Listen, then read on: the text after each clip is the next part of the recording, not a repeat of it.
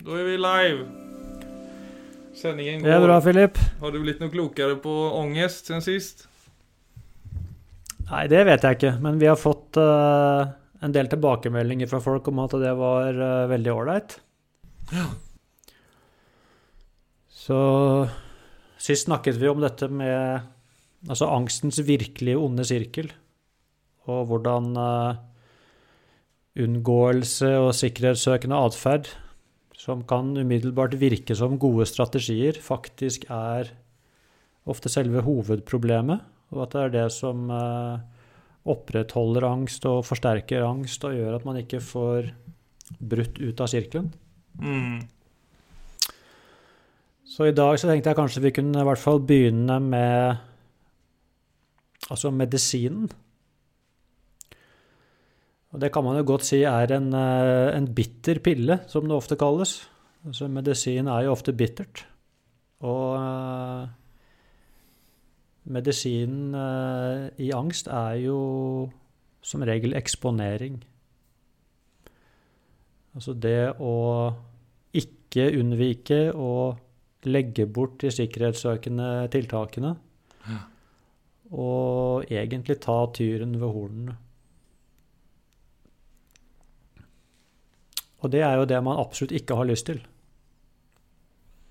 Nei, jeg tenker på det man Altså, de strategiene jeg anvendte meg av, var jo liksom antingen å fortrykke det, altså forsøke å bli kvitt det på, gjennom å ikke tenke på det, eller å snakke om det med folk. Det var liksom å uttrykke eller å fortrykke, men det er vel en sånn medelvei der som kanskje heter erfare. Ja, og det blir jo da På en måte, og middelveien blir jo da verken det eller det, men noe helt annet som er middelveien.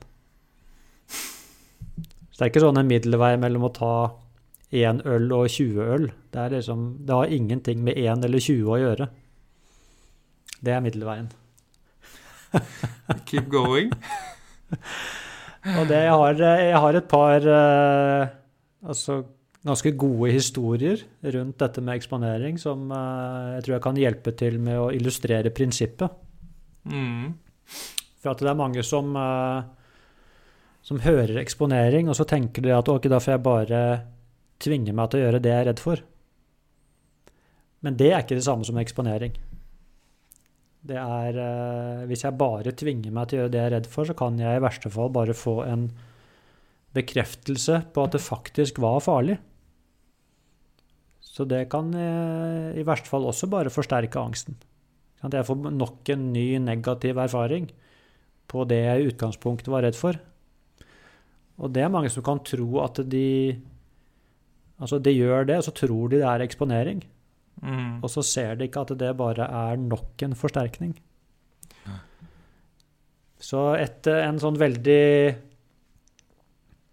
enkel, men egentlig ganske klargjørende historie på det, var jeg var og holdt et, eh, et kurs oppe i Midt-Norge for mange år siden. Og da var det Det var et kurs i Mindfulness, men vi snakka også litt om frykt, og det ble noen spørsmål om angst. Og så jeg snakka litt da om unnvikelse og eksponering som, eh, som strategier. Og så viste det seg at en av deltakerne der, hun, eh, hun fortalte altså sin angsthistorie, og det hun var redd for, det var å gå på hengebruer. Det trenger du ikke å gjøre. Men det Altså, i det området der hvor hun bodde, så var det faktisk en del hengebruer i omgivelsen, så hvis hun skulle gå altså en tur i fjellet eller i, i skogen, altså det området der hvor hun bodde, så ville hun møte hengebruer, så det var faktisk noe som, eh, som stoppa livskvaliteten hennes. Så det ville hun Ja. gjerne gjøre noe med. Og så hadde hun fått den ideen at hun skulle eksponere seg, og det handla jo egentlig bare da om når du kom til en hengebru, så var det omtrent å ta sats og bare tvinge seg til å gå over. Mm. Men det hadde ikke hjelpa noe. Altså det, det hadde hun gjort mange ganger, men det hadde ikke eh, redusert angsten i det hele tatt. Og løpe så fort som mulig. Ja, eller bare gå, men det var noe med ikke sant? Altså, Og når du da kommer på andre siden, så var det jo bare å puste ut i lettelse, og nesten en sånn Så konklusjonen blir jo da Ja, du du holder pusten hele veien. Ja, så, konkluder, så konkluderer du med Eller hjernen gjør jo det på automatikk, da, men den konkluderer med at Mm. åh, nå gjorde jeg noe som var farlig, og det gikk bra. Så du får ikke tatt bort erfaringen av at eh, dette er egentlig ikke en trussel. Så jeg sa til henne du, det er én ting til du må gjøre. Du må gå ut på midten av hengebrua, og så må du bli stående der inntil du roer deg ned. Altså Du må stå der helt til angsten blir borte. Mm. Og da må du bare stå så lenge det tar. Det kan ta et par minutter, eller det kan hende du blir stående en halvtime.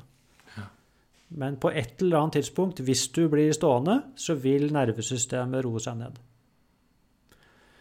Og i det øyeblikket, altså når du står midt på hengebrua og opplever ro, da skjer det noe i hjernen. Da er det egentlig, da skjer det noe umulig for hjernen. Og da begynner den å endre seg.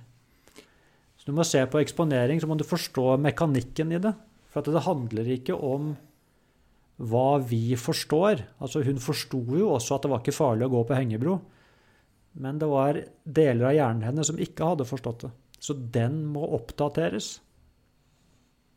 Og det er eh, en form for finmekanikk. Så du må, det er veldig viktig å forstå Mm. prinsippet.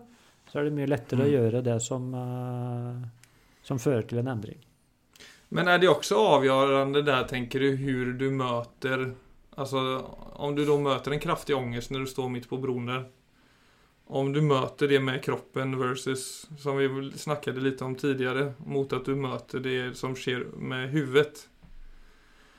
Att det, alltså det är inte nödvändigtvis det du tänker på när du kanske står där, men... Eh, alltså för att konkretisera det jag menar med möta, møte med kroppen så är det ju så som, eh, ja, känn, om du sitter på en stol, känna stolen du sitter på. Eller om du står på den hängbron, fötterna som möter marken. Eller du går över den fotsteg efter fotsteg.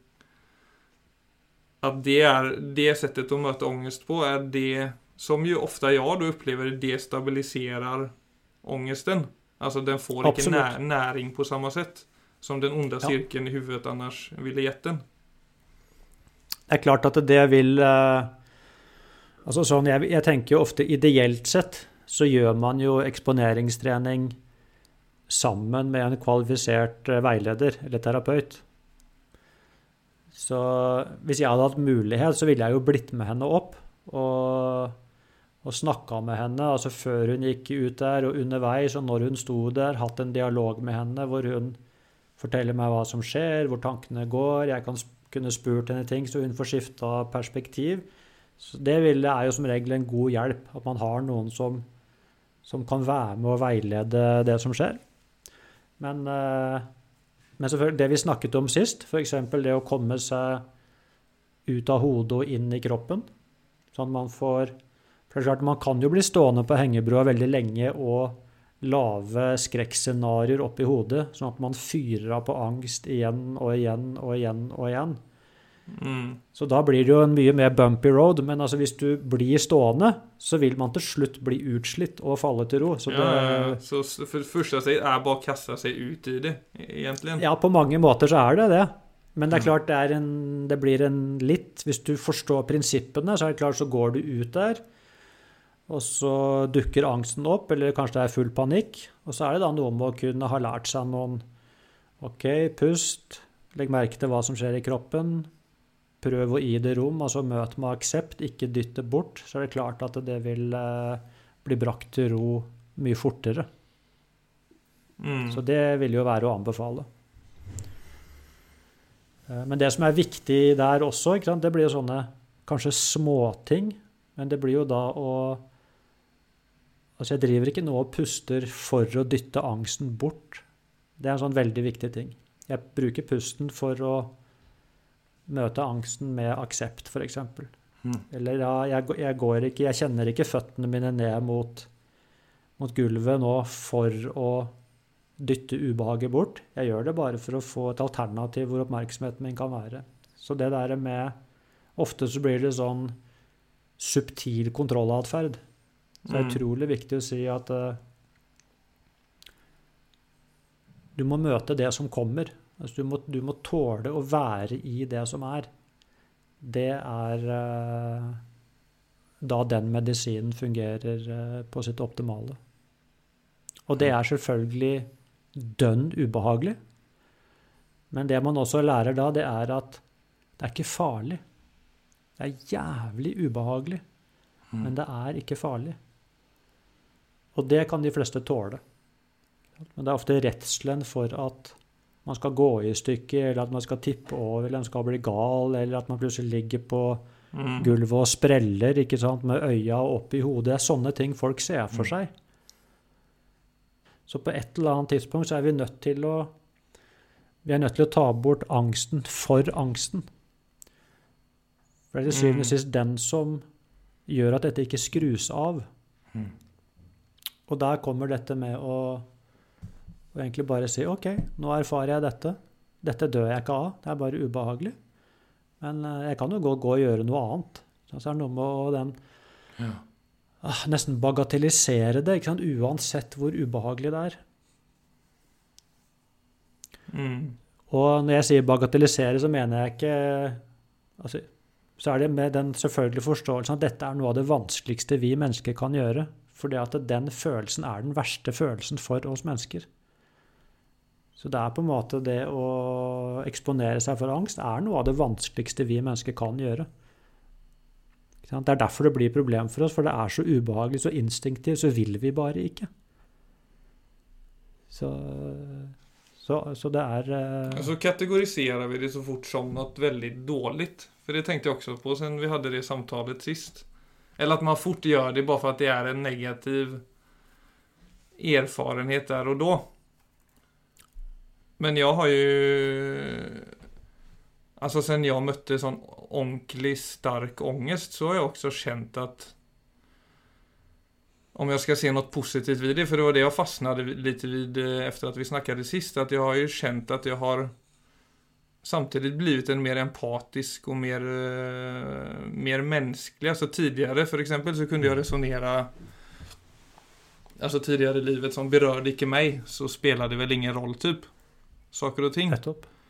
Ja. Och alltså om jag ska uttrycka det på ett enkelt sätt så kan jag känna idag att mitt stäm, alltså stämnings eller födelseregister har blivit bredare. Kanske är ett gott sätt att säga det på. Och på kanske också Ja. på gott och ont. För ibland så är det, ju, är det ju såklart skönt att bara stänga av alla antenner och ventiler som febrilskt hittar nya saker att hänga upp sig på. Men på alltså men om jag så, så som jag var när jag var lite yngre då så är det en episod när jag var 17 år som jag som är en sån sak som jag inte glömmer för det var det på en måte så väldigt det är väl kanske långt ifrån hur jag hade resonerat och tänkt idag men då var det en på videregående som jag mötte som jag fick förtalt hade en depression och som jag då inte ens visste vad var knappt. Och så fick jag ju förtalt att det var liksom då att du hade, att du var nedstämd över tid. Enkelt sagt. Och det, det kunde jag på en måte ikke ens begripa. At det, at det var Mm. mulig.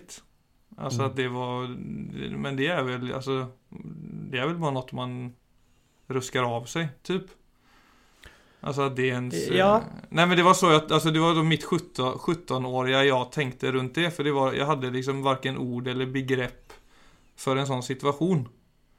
Nei, jeg tror utrolig viktig. Og da, da Altså klart, et menneske som aldri har opplevd smerte og aldri opplevd motgang, vil nok ha ganske dårlige sånne medfølelsesantenner. Så det er klart, det å gå på Altså det å kjenne på hele det menneskelige spekter av erfaring, og kjenne på det å være hudløs, det å være sårbar altså Det er klart, det er jo utrolig viktig for å få åpna hjertet sitt. Så, så her er du inne på en sånn Men det blir mer en refleksjon. Og den tror jeg kan være veldig nyttig for de som kanskje står i sånne ting, men også i etterkant. For, også for å komme unna den at det handler om svakhet, som jo er et narrativ som ikke er helt uvanlig i vår kultur. Mm. Og det er jo For det første så er det jo bare tull, men det blir jo også så utrolig destruktivt. Mm. Ja. Istedenfor at det blir sånn eh, Som jo de fleste sier som har vært gjennom en runde. Det er jo en av grunnene til at folk sier 'jeg ville ikke vært det foruten'. For det gjorde meg til et bedre menneske. Altså det, det er veldig tydelig for alle som har vært gjennom eh, altså den type runde. Og kommet seg på beina igjen, det er viktig. For vi sier ikke det når vi er midt i, men vi sier det ofte når vi har kommet ut på andre siden. Ja, men jag kan ändå, alltså jag ändå, alltså jag vill säga, jag är långt ifrån fri från ångest och till och med på då, alltså när jag har, har liksom haft skickligt dåliga dagar så, hade, så vill jag nog ändå inte säga att det är någonting jag hade velat ha ändrat på trots att jag har gått in i väldigt många vanskliga situationer. Men jag är helt enig att det är mycket lättare att säga det när du är helt på topp och det är också sån det är nästan som att, alltså visst du har haft veckor med ångest och sen så bara det rasar av dig. Så är det ju nästan som att bli dopad. Alltså det är ju, Ja. det är ju sån, wow, livet liksom. För då har du, du den, Ja. alltså du har den referenspunkten som är ganska tung. Och då blir Ja. livet, när, när den lättar så blir ju allting så jävla levande plötsligt. Ja. Men eh, alltså jag, så det är nog många och jag, alltså nu ska jag inte säga att varken det blå eller det röda, det politiska är bet, bättre eller sämre men jag jag gick, vill nog säga att jag gick, alltså jag var nog också, jag var nog som blåaktig när jag var ung. Men efter jag fick ångest Mm. så blev jag ganska knallröd. Ja, nei, men det var jo Men det beror Alltså- bara på den mänskliga, alltså det, det, det liksom det Ja, men det- igen, den humana politi politiken och trots att det. liksom det humana i praktiken kanske inte alltid funkar lika bra som ett sånt välsmörjt blått maskineri. Så är det ändå liksom den mänskliga kampen då. Att det, det är värt att ta den, det är värt att liksom Ja, det känns för min, jag kan ju bara snacka för mig själv, men liksom för våra rättigheter och för människor, människors trygghet, att det är, det är liksom Nu ska jag sluta säga liksom, för det har sagt lite mycket tror jag, men det är den inställ... det är den inställningen som gäller då. I mitt, eh, i mitt hjärta. Så ångest, det, Ja. kan, ju- det kan vara mycket. Och för min del så må jag nog säga att det ändå har vänt upp och ner både på liv och identitet. På sån skikk, Ja. alltså på, på allvar òg.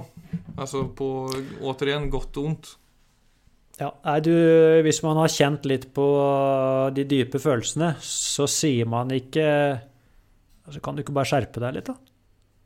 Mm. Det sier man ikke lenger da. Da skjønner man at det er helt andre krefter som, eh, som spiller inn i et menneskeliv og i menneskelige valg. Og det er klart, det, det får man bare en enorm respekt for. Mm. Altså det at alle Altså I min erfaring så strever faktisk alle mennesker med å leve så gode, anstendige liv som de kan. Mm. Og det er ikke min oppgave å sette måleenhet på det. Det er i hvert fall sikkert. Jeg har mer enn nok med min egen kamp. Mm. Så det er klart, det, og det gjør det jo lettere å eksistere i et fellesskap, hvis man får den eh, Altså respekten Mm. for det å leve et liv. Så det er eh, Det var fint du sa, for det er utrolig viktig oppi alt dette. Oppi alle disse oppskriftene og, og mekanismene. Altså den eksistensielle refleksjonen i det. Men om vi skal men, gå til det eh, du sa i starten eh, med å erfare og eksponere Var det noe du ville fullfølge der? Som jeg kanskje Ja, hoppet jeg, i? jeg, jeg tenker eh, Altså, jeg har en historie til som er veldig god, og som også er litt morsom, men som igjen illustrerer uh, prinsippet veldig bra. Som jeg tror kan være nyttig for de som eventuelt sliter med dette, å prøve å finne ut av ok, hvordan er dette Hvordan vil dette være for meg? Og dette var en mann som uh, som hadde fått et panikkanfall når han var ute og kjørte bil. Og, og da var han tilfeldigvis uh, på motorvei. Jeg tror han var på vei inn i en tunnel, faktisk. Mm. Og da ser du hvordan hjernen opererer. Så i etterkant av det så fikk han angst for å kjøre på motorvei. Men det var kun på motorvei. Så hvis han kjørte på andre typer veier, så var det helt greit. Men Mm. motorvei ville han ikke inn på. Og da ser man hvordan man begynner å bygge opp da denne. Så det er jo da nettopp angsten for angsten som gjør Og selvfølgelig, i det øyeblikket han kom inn på motorvei, så fikk han jo angst. Nettopp fordi det var den forventningen han hadde bygget opp. Og så gikk han til legen, og så fikk han beskjed om at han måtte eksponere seg. Men han fikk bare halve oppskriften. Han fikk bare beskjed om at han måtte eh, kjøre på motorvei. Mm. Og så kom han til meg, og, og det, er, eh, det glemmer jeg aldri. Altså sånn, jeg, for det første han sa omtrent, det var eh, Jeg har 136 timer med eksponering bak meg, og det har ikke hjelpa noen ting. Kan du hjelpe meg? og da var min første tanke Oi, det er jeg ikke sikker på, men da må jeg først høre hva, hva som har skjedd og hva du har gjort. Men så fikk jeg historien, og så forklarte han meg da at han hadde tvunget seg selv til å kjøre ut på motorvei. Og med en gang han gjorde det, så dukket jo angsten opp. Og så kjørte han på motorveien en liten stund, og ved første avkjøring så tok han av. Mm. Og da sto og venta da og pusta ut, og, og så roa han seg ned. Og så tvang han seg ut på, på motorveien igjen. Og sånn hadde han holdt på da i over 100 timer. Og egentlig da bare retraumatisert seg selv. Ja. Så jeg vet ikke om du skjønner hva som blir problemet her? Ja, altså det er jo lite det du var inne på første gangen. altså att eh, han holder pusten mellom varje avfart. Yes. Så att det er jo, det er jo, det er jo den biten der mellom den avfarten som er crucial når du for hans del. da. Ja, det var akkurat det. ikke sant? Så da, men når han fortalte meg det, så følte jeg meg veldig trygg på at jeg kunne hjelpe han. Ja. Og det var jo det. Så du må kjøre på motorveien, og så må du bli på motorveien inntil du roer deg ned. 40 kilometer i timen. Ja, og, det, og, jeg, og, jeg, og jeg sa jeg kan godt bli med deg. Og, og selvfølgelig da, hans første respons var ja, tør du det? For han, Han var redd han skulle sette deg i fare? ja, det var, det var akkurat det, det er ofte det som også kommer inn, for han fikk jo virkelig angst. Ja. Så han var jo også veldig redd for at han skulle eh, både sette seg selv og andre i fare. Ja, For det var ingen sånn øvingskjøringsbil som du skulle få, få hoppe inn i. Nei, for du du måtte kunde ju- ta break. Nei, måtte jo ut på motorveien. Og, og hvis det hadde vært eh, at jeg kunne kontrollere spakene, så hadde det blitt en Dårlig eksponering. Ja, da, da bringer vi inn sikkerhetssøkende tiltak inn i, inn i behandlingen.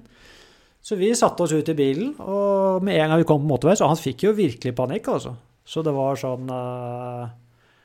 Men du vet, det jeg visste, var at han Fiksa dette? De Ja, han, han ja, ville ikke bli en dårligere sjåfør, men han fikk, ja, han fikk virkelig panikk. Så det var egentlig da bare å sitte og snakke med han uh... Hold blikket ditt fremover. Eh, pust, la oss bare snakke litt. Og så gikk det jo ikke så veldig lang tid før han kom ned i puls og fikk da sin første altså gode erfaring på lang, lang tid. Så gjorde vi det noen ganger sammen, og så begynte han aleine. Og så var det jo da en ganske lang vei for han å gå. Ja, men da hadde han i hvert fall funnet prinsippet. Og så var det skritt etter skritt etter skritt, så var det da å vinne tilbake det han hadde gitt fra seg til angsten. Ikke sant? Så først var det motorvei, og så var det veier motorvei hvor det var tunnel, og så var det Mm. videre og videre og videre inntil han da kunne kjøre igjen. Men, eh, men angsten lå liksom og lurte hele tiden, og det er jo der det blir, blir uh, utrolig viktig også å sette, sette ned foten på riktig sted. Som nemlig er Altså om angsten blir helt borte eller ikke, det er egentlig ikke helt opp til meg. Men det som er opp til meg, det er at angsten trenger ikke hindre meg i å leve det livet jeg ønsker. Mm. Der er det viktig å sette ned foten. Mm. Så ikke det blir sånn at eh, så, så det er veldig Det snakker jeg alltid med folk om hvis de kommer til meg med angst. Det er Vi må først bli enige om Altså Det som er viktig her, er at du kan leve et liv. Om du fortsetter å ha litt angst eller ikke, det, det er underordnet. Det spiller egentlig ikke noen rolle. Er du villig til å leve et liv selv om angsten dukker opp innimellom? Det er utrolig viktig. For noen så Mm. blir angsten helt borte. For andre så er den en følgesvenn som, som dukker opp og sånn med ja. jevne mellomrom. Ja. Men det trenger ikke bli Hvis ikke man gjør det til et problem, så er det bare noe man tar med. Det er en del av mitt liv, men det hindrer ikke utfoldelsen min. Det er det som eh, i hvert fall jeg opplever som viktig. Nei, og så er det veldig det er veldig poeng der. Altså, jeg, jeg har jo Ja, sen jeg sikkert var fire år gammel, så har jeg på ulike sett haft angst, men... Ja, har kommer dit du, det, dit du nämnde nu da, at man eh, kan leva med det utan att det begränsar ens liv allt för mycket. Och så tror jag den sån den gyllene medelvägen för mig har nog på senare dagar slash år kanske varit just det där att om angsten dyker upp och säger en sak så försöker jag så ofta som möjligt bara göra det motsatta direkt. Och det har egentligen varit en sån saying för mig själv som jag har känt har också funkat trots att det såklart inte är det man har lust till. Men så är det egentligen med depressiva födelser också. Att det är ofta det motsatta som funkar. Ja. Depression och ångest vill ett sted. Men se åt det motsatta och så är det det som faktiskt ofta funkar. Och det Ja. tror jag kan vara en sån bra grej att tenke på faktisk. Utrolig viktig. Og dette kan vi kanskje snakke videre om neste gang, men der, der opplever jeg at altså disse mindfulness-ferdighetene kommer inn som eh, Altså et veldig godt supplement til disse andre tingene. For det er det å kunne lære seg at Altså, angstens stemme er ikke min stemme. Jeg er ikke angsten min. Nei. Depresjonens stemme er ikke min stemme. Så det at jeg også kan Så angsten kan komme med sin stemme og sine forslag, Mm. men så kan jeg henvende meg et annet sted i meg selv. Altså et dypere sted, hvor jeg kanskje kommer i kontakt med noe jeg opplever som er det autentiske meg. Mm. Og så kan jeg hente fram noen forslag derfra. Og, så kan, og det blir jo ofte motsatt av det angsten foreslår. Ja, for det Det er, det är ja, så lett lätt väsentligt. som kom det, nu orkar du inte gå ut så går du ut. Nej, nu har jag inte lust att spisa så spiser du ändå. Ja. Och så bara Faktiskt. det, ja, och så är det som du säger, då kommer du också närmare det som är dig. Du bryter de onda cirklarna trots att det är, det är ju den uppförsbacken man upplever att okej, jag må käka trots att jag ikke har lust att käka. Jag må komma Ja. mig ut trots att jag har bara lust att ge upp och ligga här i soffan. Ja. Men det kan ju vara, för det, det, ja egentligen, för jag har ju en episod till nu om ångest. Och egentligen det vi är inne på lite här nu, det kan faktiskt vara en väldigt fin eh, grej att ha som sista episode, bland annat. Ja. Nei da, vi Jeg tror vi stopper uh, her for i dag, altså rundt Har i hvert gitt noen pekere inn i eksponering. Og så kan vi tar vi enda et skritt videre neste gang. Og det kan godt hende vi trenger et par episoder til på dette. Vi får se hva vi får fra lytterne våre. Ja, det er sant. Ja, for det, ja, det var som du sa, det er veldig mange som har mye på hjertet rundt just dette. Absolutt. Flott. Philip. Takk for i dag. Takk for i idag.